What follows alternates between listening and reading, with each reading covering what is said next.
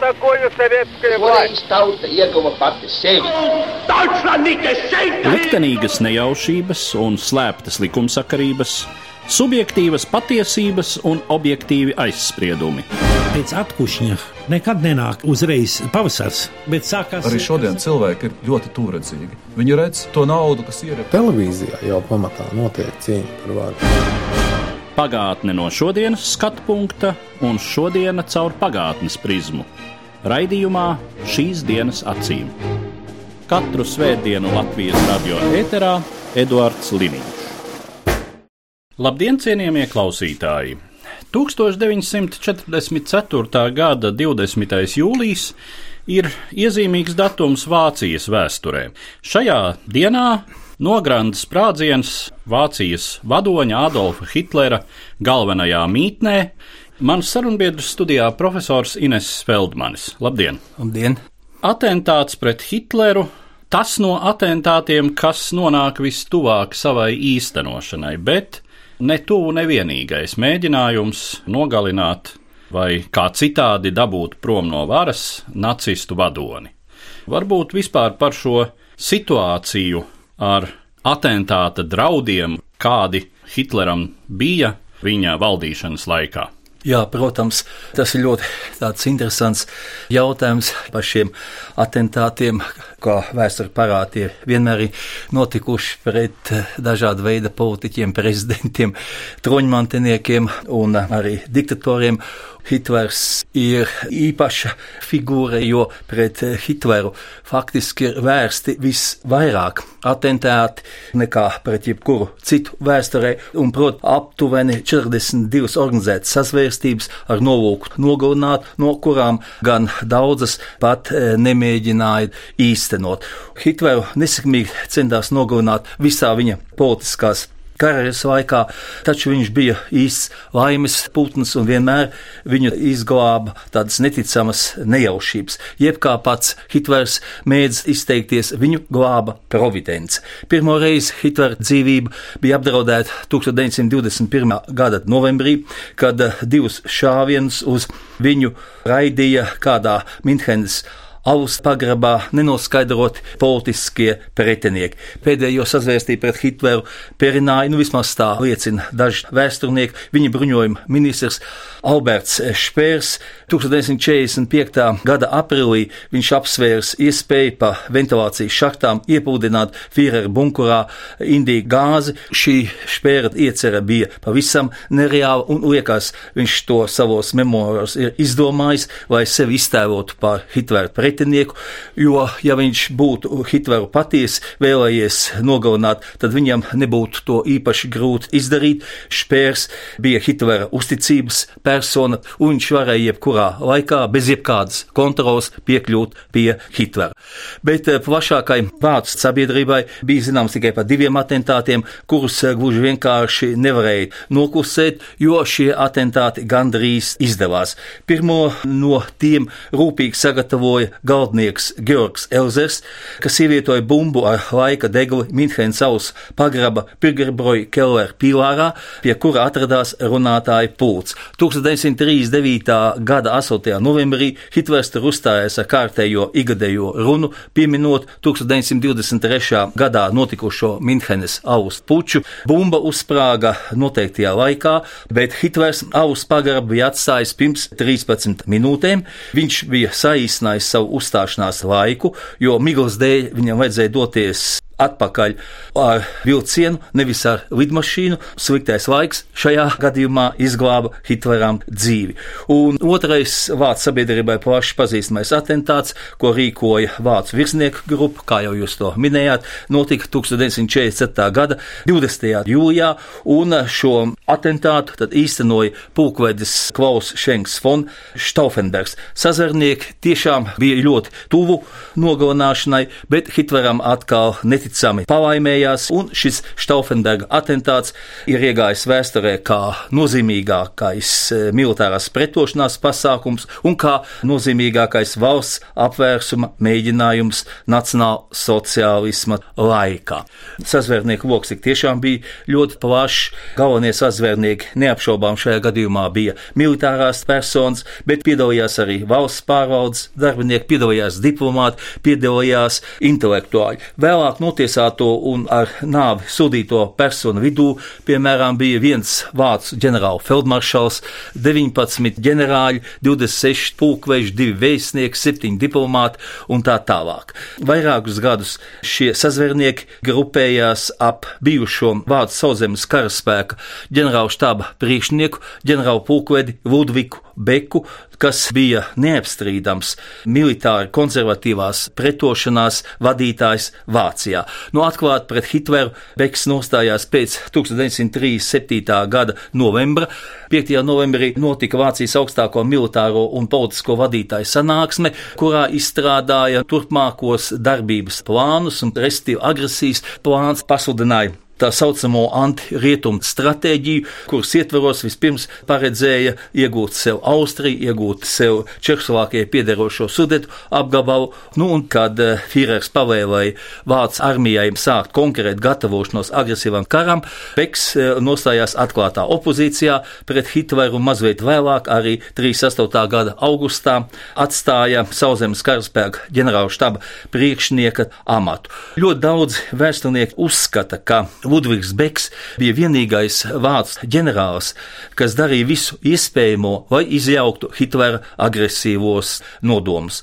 Sazvērnieki Beka vadībā plānoja nevien novākt Führeru, plānoja arī likvidēt nacisko režīmu, izveidot jaunu Vācijas valdību. Ja šī iecer izdotos, tad eh, Beks Hitlera vietā kļūtu par Vācijas valsts galvu, kanclera amatu iegūtu nacionāli konservatīvi noskaņotais Karls Friedrichs Gerdovers, kas 30. gados bija Leipzigas Oberbirger meistars un vēlāk ļoti aktīvi iekļāvās pretošanās kustībā. Nu, Vācu armijas pavēlnieka postens bija paredzēts ģenerālfeldmaršalam Ervinam von Viclebenam. Sasvērnieki nolēma savās interesēs izmantot arī paša Hitlera akceptētu plānu ar kodētu nosaukumu Operācija Valkīra. Šī operācija Valkīra bija iecerēta gadījumam, ja Vācu armijai Vācijas teritorijā nāktos apspiest karigūstekņu vai spaidu darbos nodarbināto dumpi.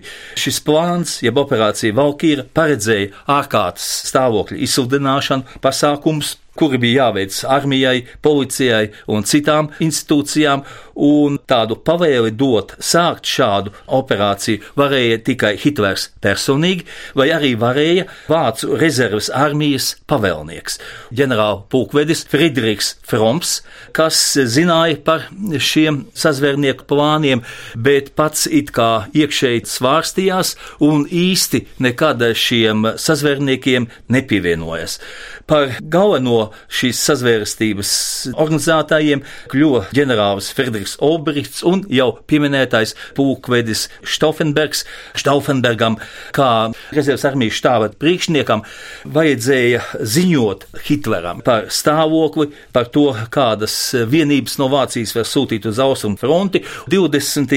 jūlijā paredzētā apspriede par militāro stāvokli Vilka Midzenī nenotika kā parasti betona bunkurā. Tas jau ļoti labi zināms fakts droši vien daudziem vēstures interesantiem, bet gan eh, neciešamās tvīces dēļ šī apspriede tika pārnest uz koka baraku, un šajā koka barakā visi logi bija atvērti. Un otra tāda neparedzēta lieta bija tas, ka apspriede bija paredzēta vienos dienā, bet pašā beigās šo apspriedes laiku pārcēla uz pusdieniem, tad pusstundu agrāk nekā bija izziņots, un tas radīja ļoti lielas problēmas. Klausam Stauffenbergam. 1943. gada vasarā viņš Tunisijā tika smagi ievainots pretinieka aviācijas uzlidojuma laikā. Viņš zaudēja labo roku, zaudēja kreiso aci un zaudēja arī kreisās rokas divus pirkstus. Līdz ar to viņš pat eh, nevarēja pistoli izšaut. Tāpēc jau arī tika nolemts šajā gadījumā izmantot bumbu, bet arī šajā gadījumā Stauffenbergam bija diezgan liels problēmas.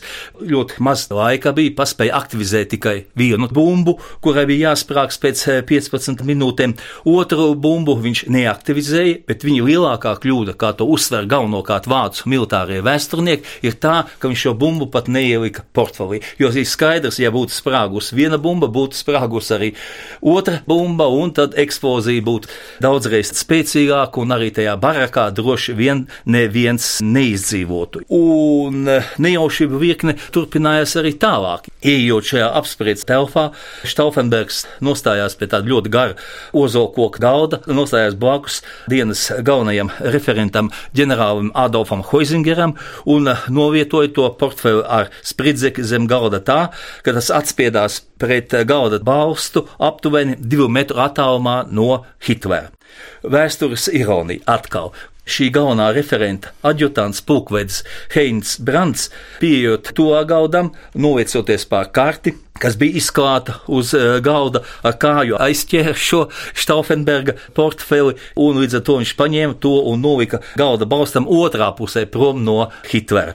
Pašā sprādziena brīdī Arī Hitlers bija ieņēmis tādu ļoti neparastu pozīciju, kas varbūt tās arī daudz vēstnieku skatījumā glāba viņam dzīvību, un proti viņš bija atbalstījies uz elkoņiem, uz tā lielā galda, vienā rokā turot zīmolu, otrā lupu, viņš faktiski visu ķermeni bija uzgūlies uz tā galda, lai nu, saskatītu tur kaut kādu apdzīvotu vietu. Tas arī zināmā mērā glāba viņam dzīvību, jo stenogrāfs tam, kas sēdēja blakus Hitleram, norāva abas kājas. Hitlers tika cauri ar izbīli, ar vieglām brūcēm, gāja bojā šajā atentātā četri virsnieki, vairāk virsnieki tika smagi ievainot. Hitlera personīgo adjutantu Otto Ginč sprādzienu vilnis izmeta pa logu, ja, un viņš arī vēlāk liecināja, kā tad Hitlers jutās pēc atentāta un teica, ka Hitlera drēbes ir bijušas vienās skrandās, mājās, kā viņam mati esot bijuši izpūruši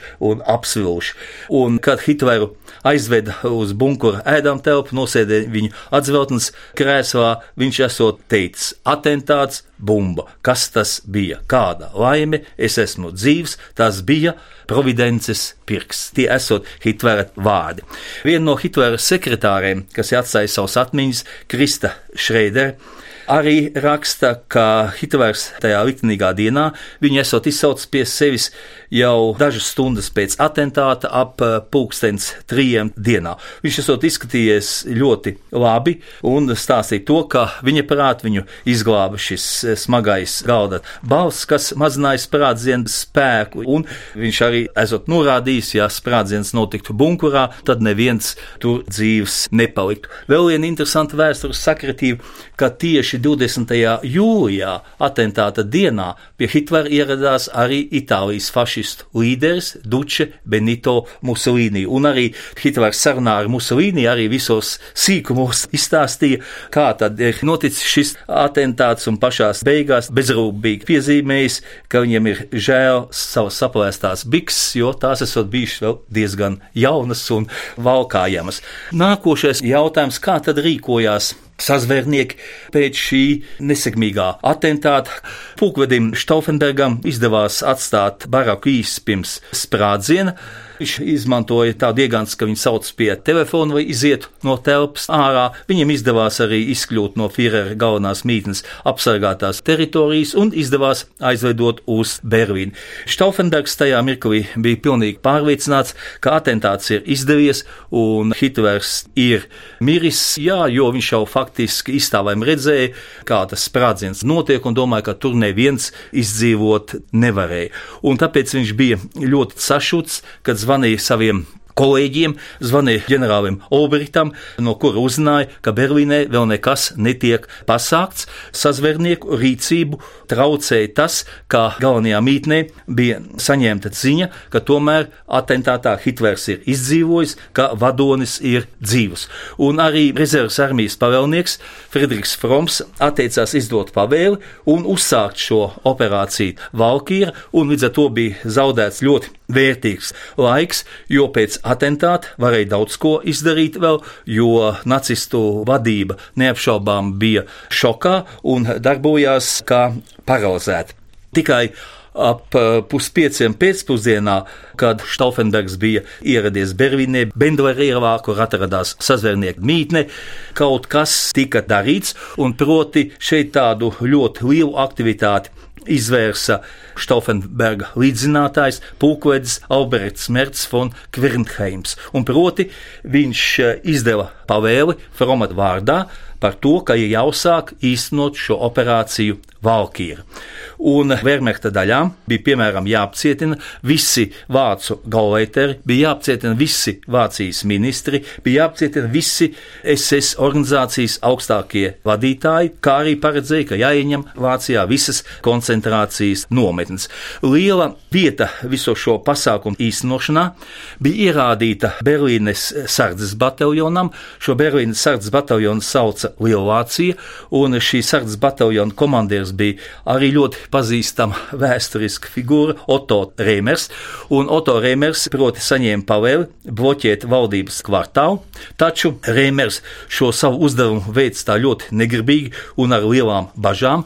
Reimeram bija pavēlēts arī arestēt Vācijas propagandas ministru Jozefu Gēbels, nu viņš arī ieradās izpildīt šo pavēli, bet Gēbels viņam teica, ka Hitlers esot dzīvs un savienoja viņu ar Hitleru. Nu, protams, protams, pazina Führera balsi, apliecināja Führeram savu lojalitāti un arī saņēma no Führera neierobežotas pilnvaras gādāt par Vācu valdības drošību, atjaunot kārtību Berlīnē ko viņš arī uzreiz sāka darīt. Te parādās viens ļoti svarīgs moments, arī ļoti grūti izskaidrojams moments. Mēs zinām, ka vācu virsnieki taču ir ļoti labi plānotāji, kā viņi varēja aizmirst, pārtraukt sakarus starp Rastenburgu, starp Vilka Midzeni un Galvaspilsētu.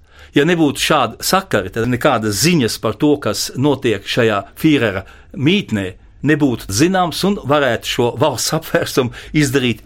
Bet arī šeit parādās otrs moments. Jā, varēja cīnīties ar mirušu Hitleru, bet cīņā pret dzīvu Hitleru nevienam Vācijā nebija cerību jo Hitlera ietekme bija tik liela, un es domāju, ka arī sazvērnieku darbību lielā mērā ierobežoja tieši šī neapzinātā, varbūt uzticēšanās Vācijas vadonim, kas tomēr kaut kur šajā virsnieku darbībā parādās. Šie vācu virsnieki bija noskaņoti pret Hitleru. Bet taču viņiem atkal klāt šī vācu kārtības nelaime, šī vācu pienākuma izpratnes nelaime, ka viņš tajā pašā laikā arī gribēja godīgi pildīt savus pienākumus. Jūs saprotat, tā ir tāda iekšēja pretruna, kuru ļoti daudzi sazvērnieki nu, gluži vienkārši nevarēja pārvarēt, un tā arī nospēlēja šeit sliktu lomu, ja mēs runājam par sazvērstības neizdošanos.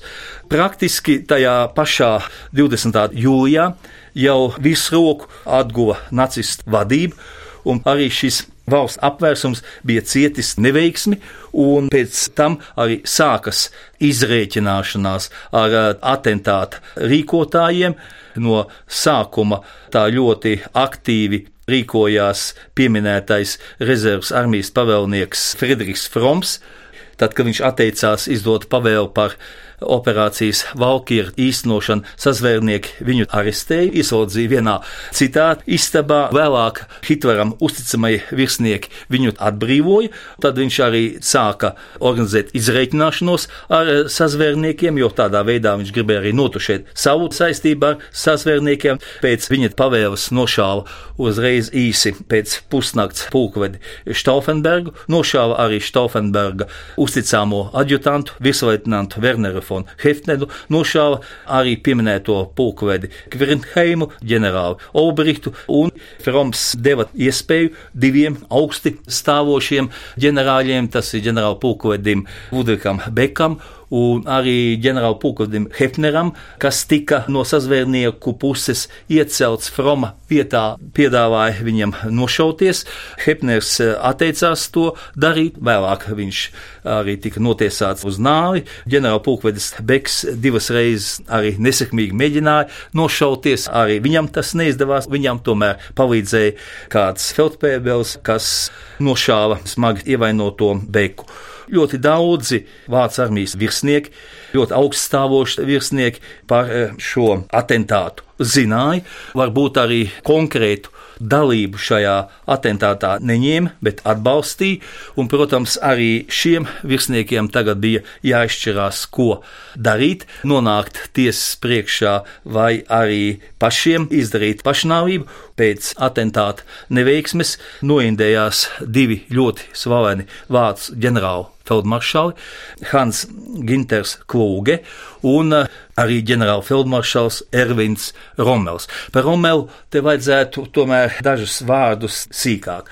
Ir daudzi vācu vēsturnieki, nu, piemēram, vācu vēsturnieks Volgangs Bents, kas tad uzskata, ka atentāts zināmā mērā cieta neveiksmi tieši Ervina Romela nostājas dēļ, jo Ervins Romels atteicās uzņemties vadību pār šo atentātu, un dabiski, ja viņš būtu uzņēmies tādu atbildību pār šo atentātu, tad jau šim atentātam būtu daudz, daudz lielāks atbalsts gan eh, vācu militārajās aprindās, un droši vien arī vācu sabiedrībā, jo Romels jau tomēr skaitījās ļoti veiksmīgs militārais darbinieks sakarā ar savām spīdošajām operācijām Ziemeļāfrikā. Daudz vēsturnieku uzskata, ka tas, ka Romels atteicās piedalīties, atteicās uzņemties vadīt šo atentātu sagatavošanu tā tālāk, tas bija viens no galvenajiem atentāta neveiksmes cēloņiem. Pašnāvību izdarīja tāds ģenerālmajors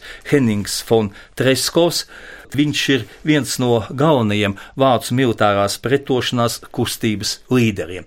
Viņš darbojās armiju grupā centrs, bija šeit viens no štāva darbiniekiem. Viņš arī ir savā laikā organizējis vismaz trīs atentātus pret Hitleru, bet arī visi šie trīs atentāti viņš organizēja 1943. gadā, beidzās nesekmīgi, bet arī pēc šī atentāta bija skaidrs, ka viņu apcietinās un viņš arī izdarīja pašnāvību. Pēc šo atentātu neveiksmes nacistu represīvās struktūras ievadīja ļoti plašu izmeklēšanu. Un tika apcietināts vairāk nekā 700 personas. Vēstures literatūrā tomēr ir minēti ļoti atšķirīgi skaitļi, bet tas vidējais skaitlis ir 700 personas. Daudz no viņiem nonāca tiesas priekšā, sazvērnieku līdzzinātājus un arī citus naciskā režīma pretiniekus sodīja ar nāvi līdz pat eh, pēdējām kara dienām. Te es gribētu pieminēt vienu faktu. Nepilnu mēnesi pirms Vācijas kapitulācijas 1945. gada 9. aprīlī pakāra Vācu militārā izlūkdienesta, jeb vācu valodā apvēra šefu admirāli Vilhelmu Kanarisu un arī viņa vietnieku ģenerālmajoru Hansu Ostinu. Dabiski, kad apvēra vadītājs ļoti labi zināja par šo atentātu gatavošanu. Viņš arī rakstīja dienas grāmatu, kas viņam vēlāk izrādījās liktenīgi, jo tā nokļuva izmeklētāju rīcībā un tur arī bija atzīmes par to, ka viņš zina par šo atentātu un to atbalsta. Viņu apcietināja, kā teica, nāves soda tikai neilgi pirms Vācijas kapitulācijas. Šī sazvērstības izgāšanās neapšaubāmi nāca par labu Vācu Führeram Adolfam Hitleram. Par spīti smagajam stāvoklim frontē no jauna vācu sabiedrībā, vācu tautā nostiprinājās viņam atbalsts. Mēs arī labi zinām, ka arī pēc Vācijas kapitulācijas ļoti daudzi saglabāja vismaz iekšēju uzticību Hitleram par to liecina diezgan daudzi apstākļi. Kā tad eh, mūsdienu vācu vēstures literatūrā tiek vērtēts šīs atentāts ir eh, nostiprinājusies, manuprāt, diezgan liela vienprātība šīs eh, sazvērstības novērtējumos, un proti 1947. gada 20. jūliju ļoti daudz mūsdienu vācu vēsturnieki uztver kā vācu pretošanās simbolu neapšaubāmu, neapstrīdamu apliecinājumu tam, ka daudzi vācieši toreiz nevēlējās samierināties ar nacisko režīmu un bija gatavi tēvzemes mīlestības dēļ ziedot savu dzīvību. Atsevišķi vācu autori tieši pasvītro, ka sazvērstība bija jaunās Vācijas, kas sekotu pēc naciskās Vācijas, citas Vācijas sirdsapziņas sacelšanās izpausme. Vācu vēstnieku darbos novērojam arī tendence kritiski izvērtēt sazvērnieku darbību, jo redzam, ka sazvērnieki īsti nenovērtē nacistu līderu iespējas. Sazvērniekiem var pārmest diletantismu. Tiešām grūti iedomāties, ka tik vāji sagatavoja atentātu izglītoti vācu virsnieki par 1947. gada 20. jūlija notikumiem ir uzņemtas vismaz 13 filmas. Viena no pēdējām filmām, to droši vien arī mūsu radioklausītāji vairāk ir redzējuši. Tā ir filma Operācija Valkīra, Stauffenberga atentāts ar pazīstamo amerikāņu aktieru Tomu Krūzu galvenajā lomā. Kādi tad bija atentāta rīkotāju tālākie mērķi?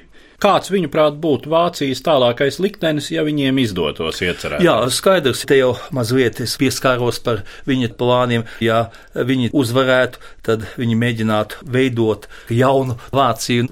Viņu galvenais uzdevums jau, acīm redzot, būtu mēģināt izbeigt karu.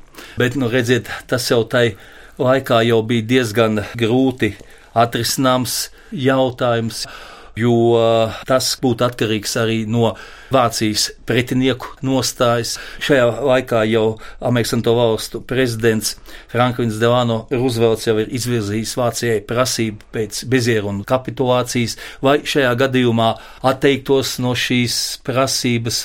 Par to ir grūti spriest, grūti spriest arī, kur censtos vispirms sazvērnieki izbeigt karu rietumos, nosveikt pamieru vai mieru ar rietumu sabiedrotiem, ja censtos izbeigt karu austrumos. Tas ir ļoti grūti pasakāms. Man liekas, ka dabiski viņi vispirms censtos panākt karu izbeigšanos rietumos. Bet nu, es nedomāju, ka tas viņiem būtu tik viegli atrisināms tādu sīku detalizētu pētījumu par viņu plāniem, jo šie plāni jau bija diezgan nekonkrēti, bet tomēr atsevišķi šo sazvērnieku izteikumu liecina, ka viņi jau uzskata, ka tā sazvērestība notika jau mazliet pa vēlu, jeb mazliet pēc 12. Grūti domāt par to, ka Vācijai izdotos kā līdztiesīgam starptautiskam subjektam izstāties no kara.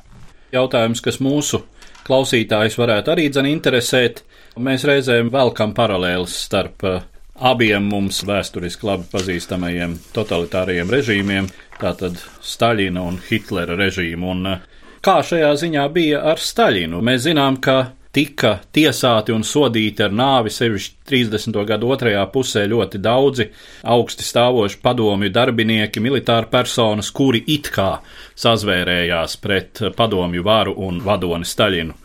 Bet kas ir zināms par to, cik reāli Staļinam kādreiz ir draudējušas līdzīgas briesmas? Jā, nu, protams, gan Musolīnī, gan Staļinam šīs briesmas draudēja. Attiecībā uz Musolīnī var pieminēt, ka viņa viena gada laikā, 1926.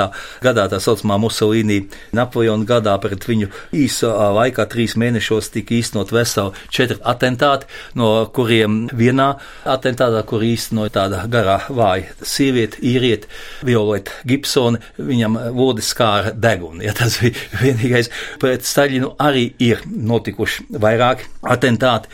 Krievu vēstures literatūrā ir pasvitrots, ka vēsturniekiem ir zināmi trīs atentāti pret Staļinu. Pats skaļākais atentāts ir tas, ko esot rīkojis terorists vienpatnis Savēlijs Dimitrievs un viņš šo atentātu veids 1942. gadā, proti Maskavā, sarkanajā laukumā, šaujot uz Staļina kortežu, bet Staļins eh, šeit nemaz neciet, bet šādi atentāti bija pret visiem. Bija pret Hitleru, bija pret Mussolini, bija pret Staļinu.